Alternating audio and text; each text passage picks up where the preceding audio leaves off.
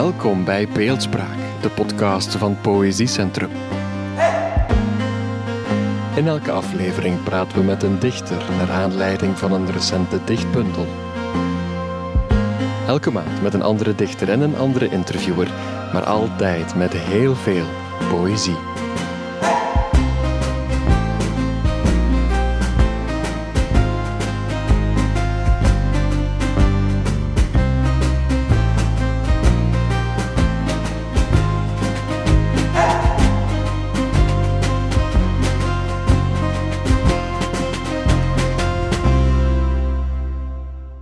Welkom luisteraars bij deze podcast in de reeks Beeldspraak van het Poëziecentrum. Uw uh, gastheer is Hans van de Voorde, verbonden aan de Vrije Universiteit Brussel.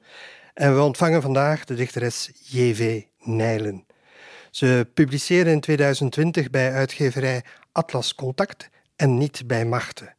Voor dat debuut kreeg ze de Lucie B. en C.W. van der Hoogtprijs van de Maatschappij voor Nederlandse Letterkunde enigszins denigrerend een stimuleringsprijs genoemd. En zo pas ook de vijfde poëzie-debuutprijs van het Poëziecentrum en de auteurs, waarmee we Joke van harte feliciteren.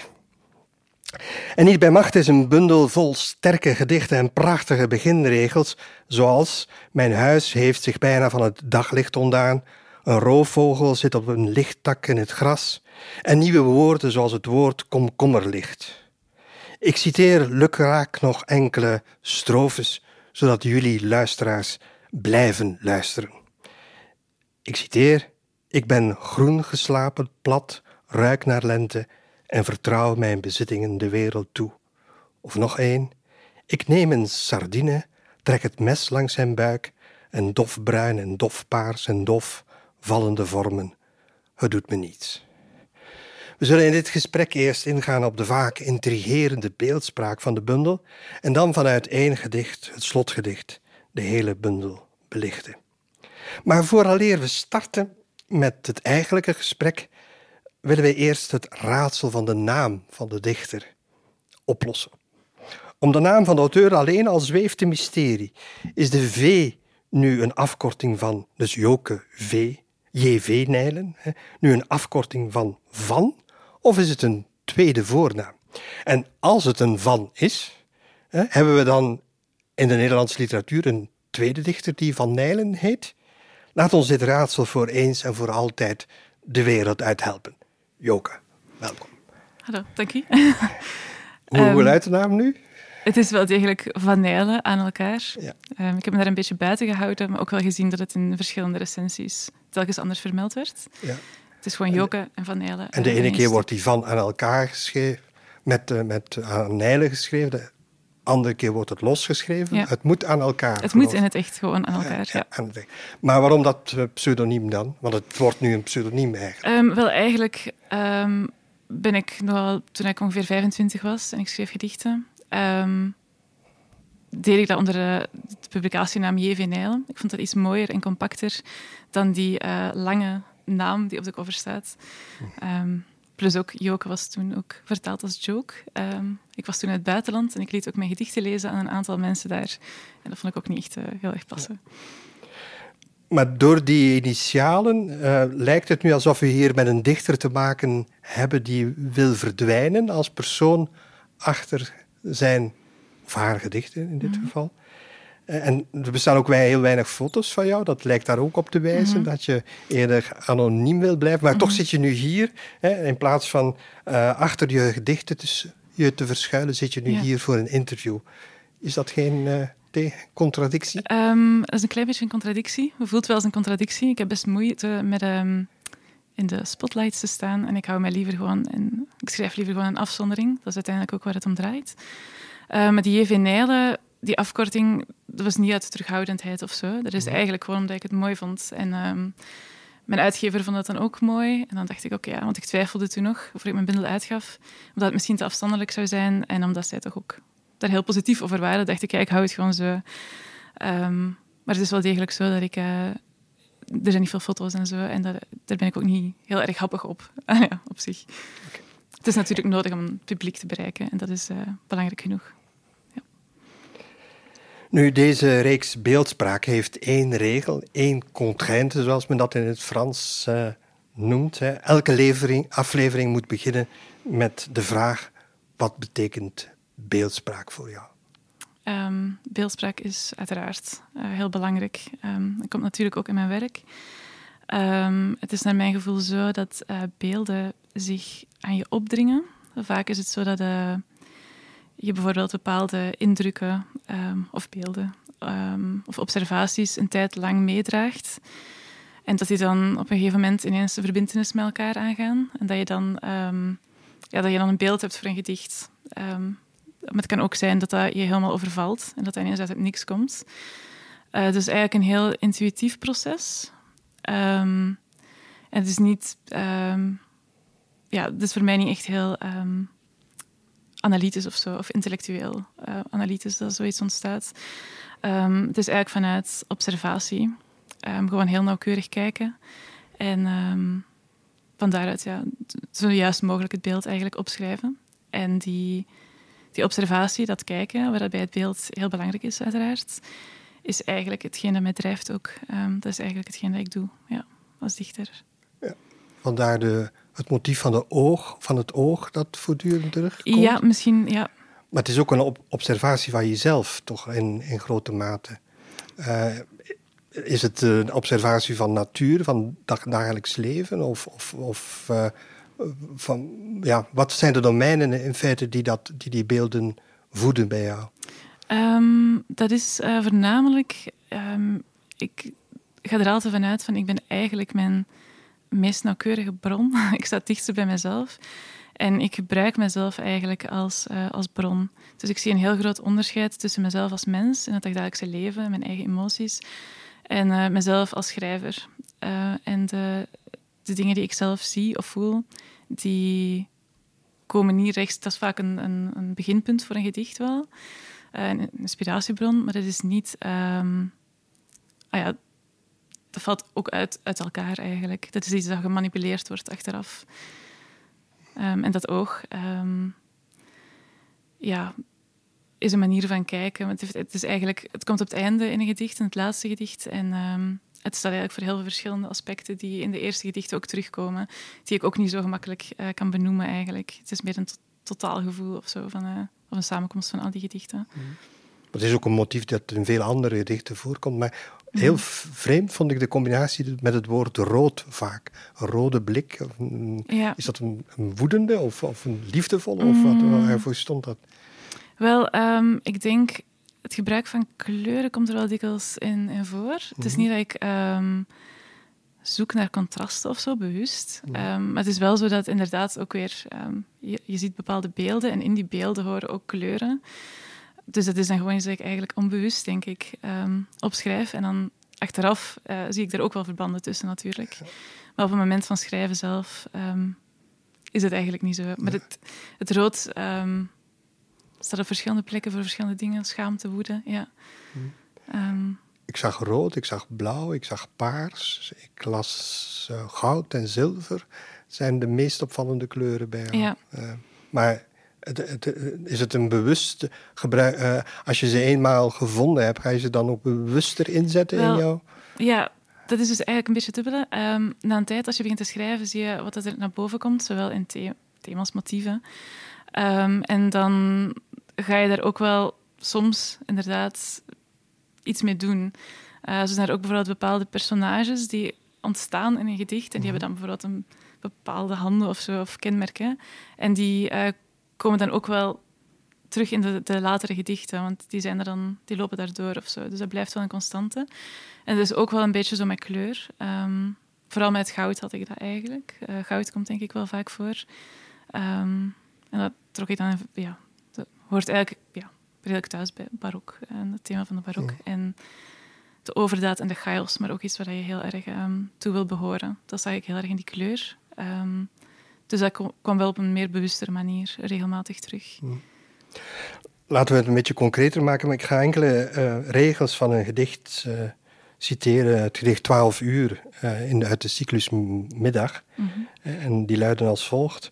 Geblutst de tuin nu, rauw en dreigend als een vuist, vleugels als bijlen en wilde bloemen als katten door het gras.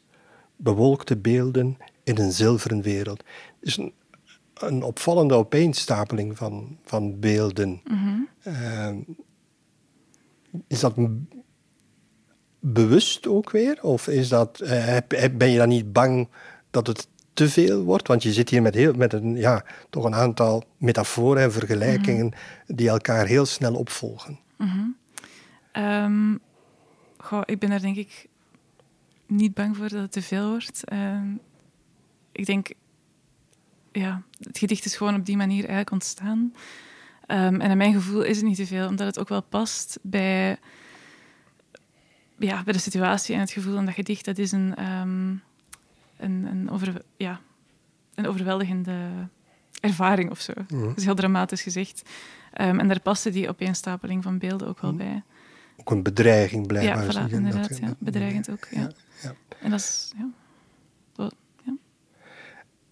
zijn beelden, dus metaforen, vergelijking voor jou belangrijker dan andere stijlfiguren? Want je gebruikt bijvoorbeeld ook vaak uh, ellipsen, uh, binnenrijmen en, en al dat soort uh, stijlfiguren. Maar misschien is het beeld dan toch het meest opvallende bij jou. Het, het beeld, het, meest opvallende. Um, dat vind ik zelf ook heel moeilijk om te analyseren. Um, want ik heb achteraf niet op die manier naar mijn bundel gekeken. En ik ben me ook heel vaak um, niet heel bewust van de stijlfiguren die ik gebruik zelfs. Natuurlijk ook wel soms, maar...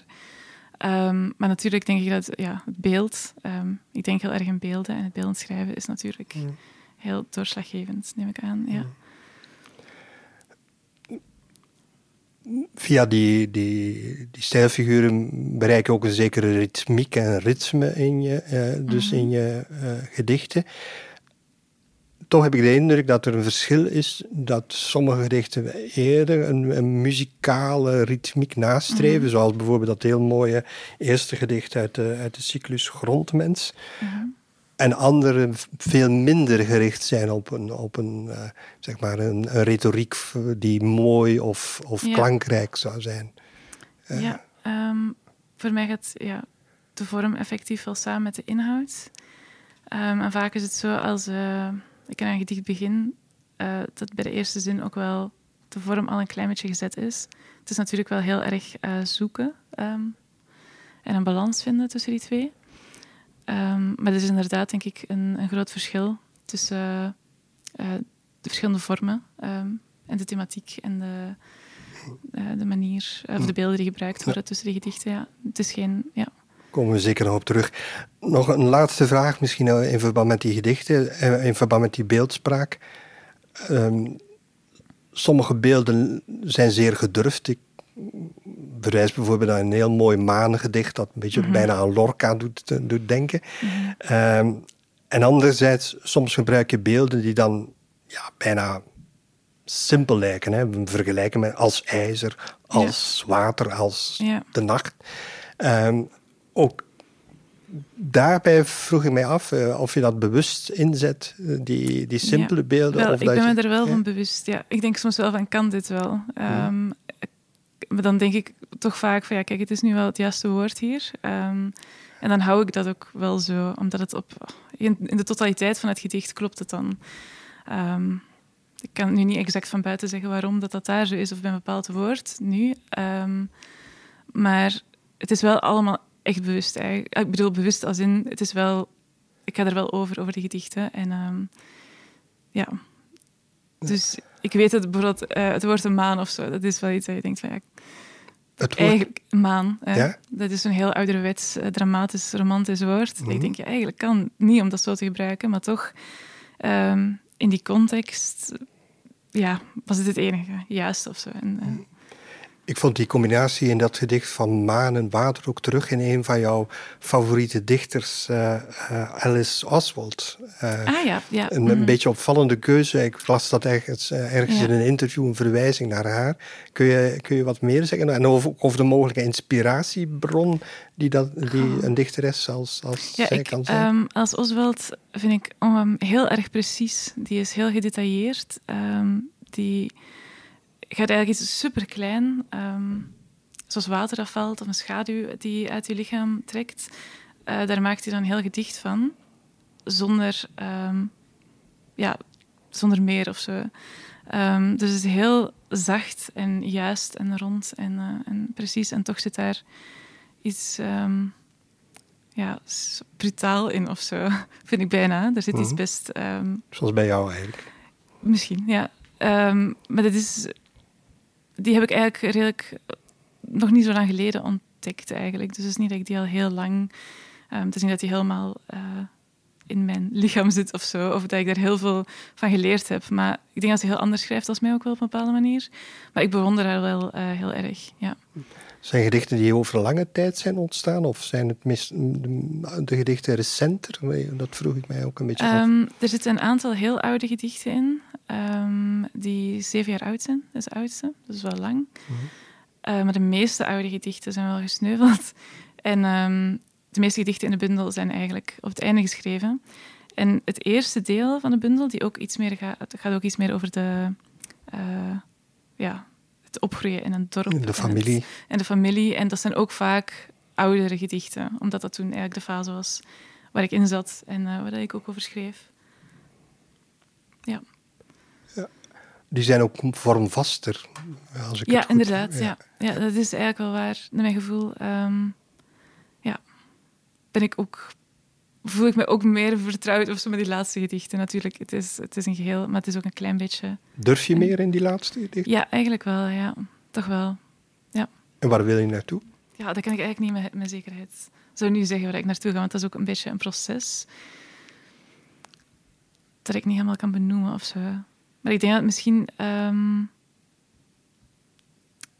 iets, iets vrijer zou mogen, denk ik. Of zo. Ik denk dat ik eh, soms nog wel terughoudend ben en eh, iets te hard, het iets te hard tegenhoud of zo. Naar mijn gevoel, ja, zoiets. Ja, en je bent nu bezig met proza. Helpt dat of werkt dat juist de poëzie tegen? Want ik begrijp niet altijd dat, eh, die behoefte van dichters om ook proza te gaan schrijven. Mhm. Ehm, of het helpt, wel, toen mijn bundel eigenlijk net af was, had ik het ook wel even gehad met poëzie. Ehm, en ik had nood aan een, eh, een andere vorm. Uiteindelijk komt het allemaal uit dezelfde bron. Dus het voelt niet alsof ik iets helemaal anders doe. Absoluut niet. Ehm, maar het is wel een andere manier om om te gaan met dezelfde, eh, dezelfde interesses eigenlijk. En observaties. Een roman is veel, uiteraard, ehm, gedetailleerder en langer. Ehm, dat is een soort van, dat eindigt nooit. Ik ga ermee slapen, ik sta ermee op. Ehm, die personages gaan hun gang, komen tot leven en dat is een, voelt als een groter geheel. Natuurlijk, bij die bundel was dat ook wel. Dat, was ook, dat ging ook wel door in mijn hoofd. Ehm, mijn gedichten bleven ook liggen en die bundel was ook een geheel in zijn totaliteit. Maar toch is het meer zo dat een, eh, gedicht schrijven voelt meer alsof het een begin en een eind heeft en dan is het af en klaar en dan ga je naar het volgende. Ehm, en bij die roman is het iets lang gestrekt en ehm, kan ik dieper ingaan, iets meer analytisch ingaan ook op, eh, op mensen en eh, menselijke verhoudingen. En dat is een andere, ja, dat trekt me ook aan. Mhm. Ik ja. vraag ging eigenlijk in de richting, helpt dat proza, zou dat proza jou helpen om vrijer te... Of zitten nu nieuwe gedichten in de weg waar ik bang Ik voor zou zijn? Ja, nee, dit is eigenlijk helemaal niet zo, want ik ben ook terug ehm, gedichten aan het schrijven. Ehm, en ik weet niet of het. Ik, ik zit wel iets meer in de lijn. ehm, bijvoorbeeld het laatste gedicht in de bundel dat ik geschreven heb. Het laatste gedicht in de bundel is ook het laatste gedicht dat ik effectief geschreven heb. Ehm, en het zit denk ik iets meer, hetgeen dat ik nu schrijf, in die lijn of zo. Dus ja, ik vond er al een klein beetje, ja. Ehm, ik denk niet dat proza daarbij helpt. Het helpt wel om, om eh, even die poëzie af te sluiten. En dan na een tijd komen er opnieuw eh, indrukken binnen. Want dat was eigenlijk voor een tijdje even op, denk ik. Ja. Dus op dat vlak helpt het wel. Even terug naar, naar het citaat eh, van daarnet, dus die opeenstapeling van beelden. En eh, wat ook nog opvalt, zijn de talrijke contrasten die, die in de gedichten zitten tussen dicht en open, warm, koud, begin, einde, zwijgen, spreken. D- Dat samen, die opeenstapeling van beelden, die contrasten, dat doet heel erg barok aan. Hè? Dat is eh, misschien een, een kenmerk van wat barokke literatuur of barokke kunst is. Ehm, nu, eigenaardig genoeg wordt ook die barok gethematiseerd bij jou. Hè? Dus een cyclus heet zo. Ehm, ook hier vraag ik mij af, ja, welke betekenis heeft dat dan, die barok, voor jou? Um, wel, eigenlijk is het de term barok, eh, want het laatste hoofdstuk heet zo. Um, ik schreef eigenlijk vaak gedichten die inhoudelijk gingen over um, het opgaan in chaos, uh, het verliezen overdaad, gespleten identiteit, maar ook het verlangen naar um, een soort van tomeloos um, leven, een grenzeloos leven. En uh, ik zag, dat hoort een beetje samen voor mij op een manier. Um, en ik zag daar, ik, in een bepaald gedicht gebruikte ik het woord barok. En ik zag dat als een koepel eigenlijk voor een aantal gedichten. die ook een beetje in contrast staan met uh, een andere thematiek in mijn bundel, die eigenlijk het omgekeerde voorstelt. En dat is eigenlijk orde en rust en een soort van teruggetrokken leven leiden. Um, keuzes maken. Een, een eenduidig iemand proberen te zijn, of uh, in hoeverre dat ook kan. Um, ja. Maar ik heb het nooit eigenlijk zo geassocieerd dat ik zelf barok schrijf. het is inderdaad wel vaak een opeenstapeling van beelden. Maar die associatie, ja, het is natuurlijk weer um, voor mijn inhoud, maar die associatie had ik niet uh, direct of zo toen ik de term barok gebruikte. Dat had eigenlijk voornamelijk te maken met de inhoud, denk ik. Ja. Inhoud die, uh, als ik het goed heb, ook verwijst naar het theatrale, naar ja. pruiken, naar kostuums. Ja. Uh, ook dat is een, lijkt een eigenaardige voorkeur. Ja. ik ben heel erg gefascineerd door um, het spelen van rollen. Mensen die um, maskers opzetten en zich sociale façades hebben eigenlijk. Um, als kind was dat iets dat mij al heel erg opviel. Als kind heb je dat nog niet, dan ben je gewoon.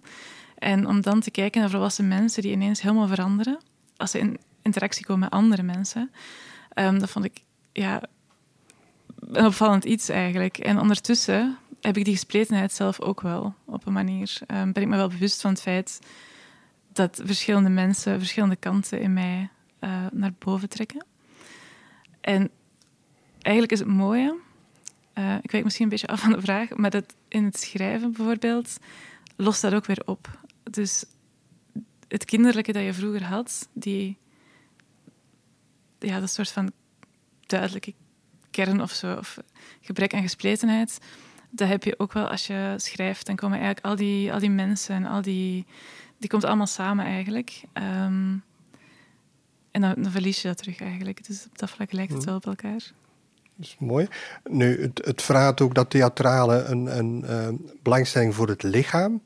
Nu, enig zoekwerk op het uh, internet mm -hmm. levert ook op dat je een, een masterscriptie kunstwetenschappen Ach, ja. en ja. theaterwetenschappen hebt, die niet toegankelijk is op het uh, web, helaas, ja. hè, maar die wel gaat over een kunstenaar, Stellark, mm -hmm. die heel erg bezig is met het verlengen van zijn lichaam. Hè, en de, zijn uit, uitbreiden van zijn lichaam. Ja, in alle eerlijkheid, um, dat was helemaal op het einde van mijn studie ik wou eigenlijk iets anders schrijven. Uh, en ja, er is niet echt direct een, een, een, link met lichamelijkheid of zo. Wel misschien met uh, inderdaad hoe je jezelf um, ziet als een soort van ja, object of subject was het dan. Um, maar dat, dat is niet iets dat ik terugvind in mijn poëzie of zo. Nee, het nee. lichamelijke zit er toch ja, heel sterk in. Wel, ja, absoluut. Uh, ja. De fascinatie voor mond, uh, mm -hmm. benen komt -hmm. heel vaak als, als motief terug. Uh, hoofd. Ja, dat komt er wel terug, maar op een heel andere manier. Dat heeft een heel andere bron, denk ik. Um, ja. En net gaf je een mooie definitie van, van barok, die heel sterk aan, aan die van Vestdijk doet denken. Die, die sprak barok is voor hem een, een strakke vorm en een chaotische inhoud. Die strakke vormen van, bij jou vind je dus terug. We hebben het daarnet al gehad, in, in, uh, vooral in de eerste cycli. Maar toch is de, de, de, het behoefte aan compositie bij jou heel opvallend. Mm -hmm. hè? Een begingedicht, een afsluitend mm -hmm. gedicht, uh, uh, reeksen, ja, ja. motieven die doorgewerkt ja. worden. Um, verraadt dat een, een, vorm van overbewustzijn? Um, dat is eigenlijk vooral iets dat ik uh, die compositie zit er heel erg in. Ik heb heel erg gezocht naar uh, de eenheid in die bundel. Um, maar dat was achteraf eigenlijk. Um, en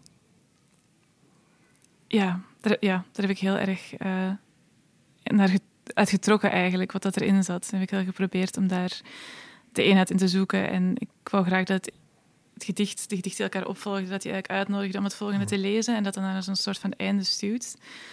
Ehm, maar zo heb ik de bundel uh, niet geschreven. Die gedichten zijn eigenlijk een beetje individueel min of meer ontstaan. Al was er in mijn achterhoofd wel natuurlijk een bewustheid van met wat ik bezig was. Ehm, ja, maar er is inderdaad heel veel nood aan um, een soort van bouwwerk in elkaar zetten. Of uh, ik heb wel ongelooflijk veel nood aan controle. Dat merk ik nu ook met mijn roman heel erg. Het is soms moeilijk om los te laten en niet elk detail te willen zien of zo. Um, en dat heb ik ook wel mijn poëzie. Ja, dat is een vloek vaak om die controle te moeten hebben eigenlijk. Ja.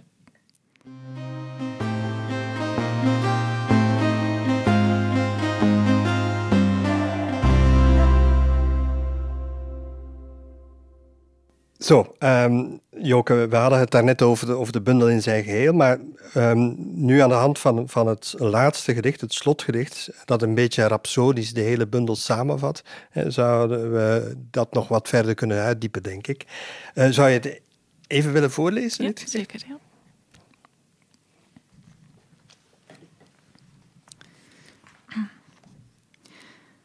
Begin. En kijk niet met het dreigend oog dat in je ligt. Kijk niet naar wat het ziet. De zwarte hond. Als hij blaft, valt het donker uit zijn mond. Het rood in zijn ogen als hij gromt. Laat het niet stekelen als een roos in je hoofd. Hij waakt. De vloer kraakt van de witte. Lichamen passeren. Ze raken net niet het mag niet, het kan niet, net niet, dit nog niet. Daarover gaat het als je schrijft. Daarvoor klokt de wekker om half vijf. En niet bij machten, en niet in staat, met rechte rug je kromme tijd te belopen. En je draagt, draagt alsmaar tegen het zinloze in. De poppen in je borst, ontelbaar ben je. En je draagt je kostuums te nauw of te los op snit je vaas van een keel vol woorden, ongezegd ben je. En niet in staat. Een boek te lezen, te rusten buiten ogen om, te spreken met eigen tong, de holte te dragen die je bent, de kelk van je keel, opslagplaats voor het net niet. En niet bij machten, en niet in staat, om dat dreigend oog dat in je ligt, de vleeselijke warmte te bieden waarin het slapen kan. Het tikt de schrik tegen je hart bang. Altijd bang voor Churchill's zwarte hond, voor het openvallen van zijn mond. En niet in staat, omdat rood in zijn ogen als hij gromt. Als je maar stil en gehoorzaam bent, zullen zijn rode ogen doven en zal het een blauw licht zijn waarin je komt te staan. En iedereen zal glimlachen. De vrouw in haar zilverstoel, de vriend op de foto boven zijn kist, de strobbe vrouw met haviksblik ze hebben geen weet van hun barokke kader, van het goud dat rond hen groeit. In het oog ligt geen pret besloten, want het oog weet, het oog ziet, het oog zwijgt. Je manier van lachen heb je van hen afgekeken. Doe nu maar mee, of niet. Word van mij part een nacht, maar begin. En kijk niet met dit oog dat weigert te bestaan. Mooi. Um, het is een gedicht dat, dat echt bijna de hele bundel samenvat. En ook een aantal figuren die erin ja. optreden, komen erin voor. Hè. De vrouw in haar zilverstoel, de vriend op de foto, de strobbevrouw, een eigenaardig woord, hè. strobbevrouw. Ik heb het proberen uit te vissen wat het betekent. Strobbe is stoppen, betekent ja. stronkenvrouw. Ja, ja zoiets, ja. In, in jouw groeien van takken en, en bomen ja, nee, het was eigenlijk... is, is wel iets wat, wat in andere gedichten ook voorkomt. Ja, misschien wel, ja, inderdaad. Dat er een soort van... Uh... Of zeker het groeien van anderen in jou. Ja, hè? En, ja, en hier zitten we in feite in die heel opvallende thematiek bij jou van meer meervoudige persoonlijkheid. En ook in het poppenmotief heel sterk naar voren komt. En hier in, in dit gedicht de poppen in je borst. Uh, voel je je als mens een marionet? een marionet? Uh, niet, nee. Um, maar ik heb wel het gevoel dat ik heel veel verschillende mensen in mij draag. Ja. En eh, vaak het gevoel dat ik niet echt een, ehm, een persoonlijkheid heb of zo, die ik uh, zou kunnen vastpinnen. Dus dat is wel iets natuurlijk ehm, dat ik herken. Ja. En ik denk ook vaak dat het een beetje een illusie is, uh, identiteit.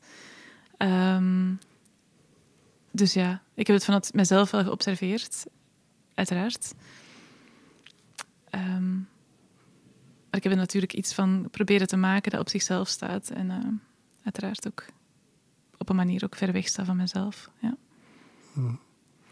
Identiteit, familie, existentie, dat zijn zowat de, de, de domeinen of ja. de, de, voornaamste focuspunten van de bundel. Ja. Uh, je wil weg van iets. Mm -hmm. En je wil naar iets toe. Hè? Mm -hmm. Een begin en een einde, want dat is wat, waar, waar dit gedicht over, over gaat. Mm -hmm. uh, maar het einde is opnieuw een begin. Dus, Ja. enfin, kun je daar wat meer over? Ja, inderdaad. Ehm, ik zie het wel een beetje zo dat elk... ehm, ja, elk... Ja, einde een begin is of zo. En dat het iets is dat constant eh, doorloopt. Ehm, maar weer is het niet heel erg bewust op die manier geschreven. Maar dat is wel iets waar ik zelf, ehm, waar ik zelf wel zo aanvoel of zo. En dat ik merk in het leven dat mensen heel erg van A naar B leven. Ehm, maar dat het in realiteit eigenlijk toch niet zo is. Ehm, en in deze bundel, effectief, je wil ergens naartoe. Uh, maar je wil ook weer naar de andere kant teruggaan. En die contradictie um, en die, die, die, die twijfel, of die, um, dat zit er eigenlijk heel de tijd in. Dus wisselt elkaar heel de tijd af. Ook, uh, en niet bij machten, is de titel. Maar het gaat eigenlijk ook wel een beetje om, om macht. Bijvoorbeeld in dit gedicht Mhm. lijkt het zo, maar tegelijkertijd... Um, ja, Sport bereikt het een punt op het einde waar je een aansporing hebt om. om... Eigenlijk niet, nee. Um, ik denk dat het een redelijk open einde is. um, en dat het gedicht zichzelf ook wel een beetje tegenspreekt of zo. Um, en dat het daardoor dus weer misschien een beetje een cirkelredenering is. Of uh, ook die tegenstellingen die in de bundel zitten, wordt hier ook niet opgelost. naar mijn gevoel. Ja. Mm. ja. In die aansporingen lijkt, uh, doet het ook sterk denken aan dat mooie gedicht waar ik al even op alludeerde. Dus dat eerste gedicht van Grondmens, hè, waar, je, ja.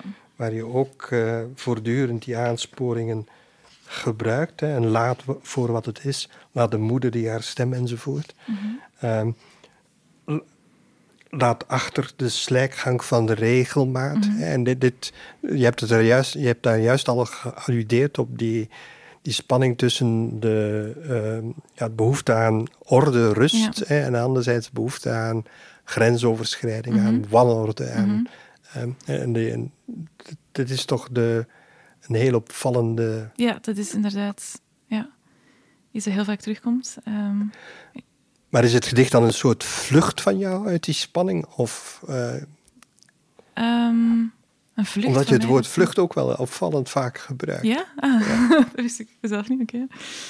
Okay. Um, hoe bedoel je, een vlucht van mij uit die spanning? Ja. Je, je, je schrijft ook op pagina 14 vluchten in een gedicht. Ja, op die manier. Um, nee, eigenlijk, uh, eigenlijk niet. Maar ik, het is heel moeilijk om het onderscheid daarin te behouden. Want ik... Uh, zoals ik zeg, ik observeer mezelf wel uh, en mensen rond mij. Um, maar ik plaats mezelf niet in het gedicht of zo. Dus het schrijven van gedichten is voor mij geen uh, vlucht uit iets anders of zo in, in mijn gewone leven. Dat is eigenlijk helemaal niet zo. Het is eigenlijk eerder een ja, zoeken naar um, realiteiten, denk ik. Um, en die machteloosheid, dat net niet, dat er voortdurend in zit, je gedicht, is dat dan een machteloosheid om een evenwicht te gebruiken, om of juist om het, e om het evenwicht te bereiken, of juist om het evenwicht te verstoren? Um, de machteloosheid om het evenwicht te bereiken? Dat weet ik ook niet heel goed. Uh,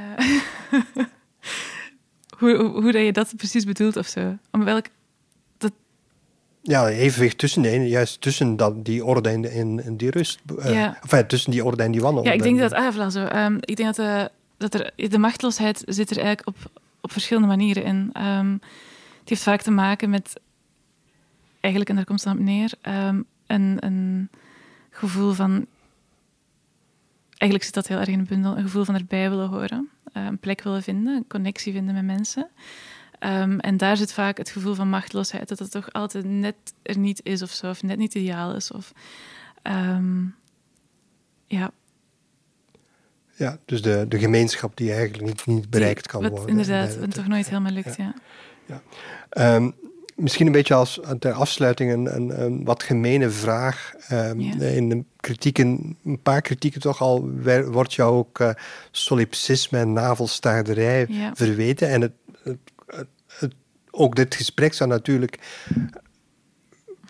Uh, ook uit dit gesprek zou die, die aandacht voor jezelf kunnen blijken. En toch is dit voor mij zeker enfin, ja. uh, geen navelstaarderige bundel, nee. in tegendeel. Ja. Maar hoe, hoe, hoe ga je met dat soort kritiek dan om, uh, um, vroeg ik mij af. Wel, ik had um, toen ik die bundel schreef heel erg verwacht dat die kritiek er ging komen, omdat ik vanuit het ik wel soms schrijf, vaak schrijf. Um, en ik denk dat in de, in de huidige tijd waarin we leven, waarin de wereld zich wel heel erg opdringt, de buitenwereld, dat, dat, dat er weinig ruimte voor is, denk ik. en dat mensen daar vaak nog kritiek op hebben. Um, maar het is niet omdat je van het, vanuit een ik schrijft, of vanuit iemand anders eigenlijk, dat het navelstaarderig zou zijn. Dat is absoluut niet zo. Um, zo voelt het voor mij ook natuurlijk niet. Um, want ik heb echt het gevoel dat er dus heel veel afstand is. En ik denk dat dat... Uh, en juist ik, die, die behoefte aan connectie met, met ja, anderen sowieso. heel sterk Ja, het is dan aanhoudelijk, ja. ja. Um, maar ik denk dat het ik in mijn gedichten ook uh, best ja, weg van mezelf staat en, en daar te kijk staat. En, um, uh, dus het is niet iets dat afgesloten is of zo. Dat is geen afgesloten wereld um, die alleen maar bij mezelf ligt. En ik denk ook, um, wat die buitenwereld betreft, dat is dat vaak gezegd wordt uh, door veel dichters. Nu moet ik echt wel over de buitenwereld gaan schrijven. Want het gaat niet anders. Maar ik vind dat nogal een vreemde tweedeling tussen het ik en de buitenwereld. want je kan eigenlijk is elk gedicht ook een beetje een politiek gedicht. Of elk gedicht zegt iets over de wereld. Uh, en ik denk dat hem vooral daarin zit, in hoe direct of indirect dat je over die wereld praat. En bij mij is het in elk geval indirect. Um, dus ik denk dat ik vanuit observaties, want het is ook niet alleen uh, vanuit mezelf, maar ook anderen. Dat is inderdaad mijn directe omgeving. Um, ik daarvan ook wel iets zeg over de huidige tijd. Of ik probeer toch om dat open te trekken en uh, daar iets universeel mee te zeggen. Ik probeer die observaties in dienst te stellen voor iets dat uiteraard veel breder is en uh, toch wel een brede zeggingskracht heeft. Um, dus ja, voor mij is die tweedeling er niet heel erg. Maar ik heb wel het gevoel dat bijvoorbeeld schrijven over de, ja, de, de grote wereldse gebeurtenissen, dat is iets dat mij als schrijver, als mens uiteraard, interesseert mij dat allemaal heel erg. Maar als schrijver um, voel ik me daar niet echt tot aangetrokken. Omdat het toch altijd te ver of te groot voelt. Ik kan daar, ik kan daar de vinger, ik kan dat niet nauw genoeg uh, analyseren. Um, en ik doe dat dan liever via iets dat ik heel goed ken, dat ik naar buiten kan gaan, dan, dan het omgekeerde te doen eigenlijk. Dan die buitenwereld te pakken en daar ineens... Um, ja. Ik heb vaak het gevoel dat mensen bijvoorbeeld soms vanuit een scherm of zo schrijven. Dat voelt soms heel afstandelijk. Dan bedoel ik dus uh, het nieuws of... Um, ja, dat is iets dat mij bijvoorbeeld niet lukt. Het moet dichterbij zijn, het moet concreter zijn. Um, ja. Maar het voelt in elk geval niet navelstaarderig. Uh. Mm. Het is mooi, mooi uh, verweer, zou ik zeggen. Uh, mooi geformuleerd, vind ik het. Um, misschien als coda een, een, een, een kleine laatste vraag. Mm. Ik las ergens dat de bundel ooit Finishla heette. Ja. En dat woord komt ook nog wel voor, ergens in gedicht. Mm -hmm. Maar ik vind nergens nee. een verklaring voor het Nee, woord. dat is eigenlijk het, is het alleroudste gedicht uh, dat erin staat. Mm -hmm. en dat is eigenlijk ook het eerste gedicht dat ik geschreven heb waar ik van dacht, ah ja, nu, hier, ik heb er vat op of zo. Dus daarom is het er ook in gebleven. Um, en ja, toen, ja, kijk... Um, had ik, een, ja, ik, ik, had iets ingestuurd voor een vocatiebeurs en ik had een titel nodig en ik vond dat wel een mooie titel. Um, omdat het toch ging over een soort van... Ja, ook gebrek aan verbondenheid en een eigen taal spreken. En uh, dat was toen wel iets dat ik zag als een mooie titel voor mijn bundel. Ja, achteraf vond ik dat natuurlijk niet geschikt. Dat een onbekend woord. um, maar ja, inderdaad. Zou je nu ter afsluiting een gedicht kunnen voorlezen waar je vindt dat je die eigen taal gevonden hebt? Uh, ik denk dat ik ze in alle gedichten gevonden heb, om eerlijk te zijn. Ik denk dat het overal in zit. Uh, hoop ik toch. Want maar het meest zit dan. Anders kwamen ze er niet in. Um, ja, ik denk dat het vooral dan eigenlijk het laatste zijn, dat heb ik dus net gelezen. En uh, dan ga ik het eerste gedicht lezen van uh, Grondmens. Ja. En laat voor wat is. Laat de moeder die haar stem al zingend heeft gekraakt. Laat de vader die op zolder zijn bestaan heeft geschreven. Het is bij kraken en zolders gebleven. Laat de tweelingzus, die met stalen glimlach deed twijfelen of ze er was uit vriendschap of verraad. Het is geen van beide geworden. Trek dan alle graten uit je lijf, tot er niets dan jezelf overblijft. Het is aan jou nu. Dus laat de kinderen met hun knuffels voor lijken en met messen in de tong. Die poppen, waar je zo op lijken wou. Laat ze als volwassen beelden van hun ouders in een veel te grote rol. Kijk naar wat je achterlaat. De koektrommelhuizen en laat de zon op straat. Laat achter de slijkgang van de regelmaat. Doe net als de mens die koppig naar zijn werk vertrekt en zijn dag verlaat. Maar doe het omgedraaid. Dankjewel, Joke. Graag gedaan.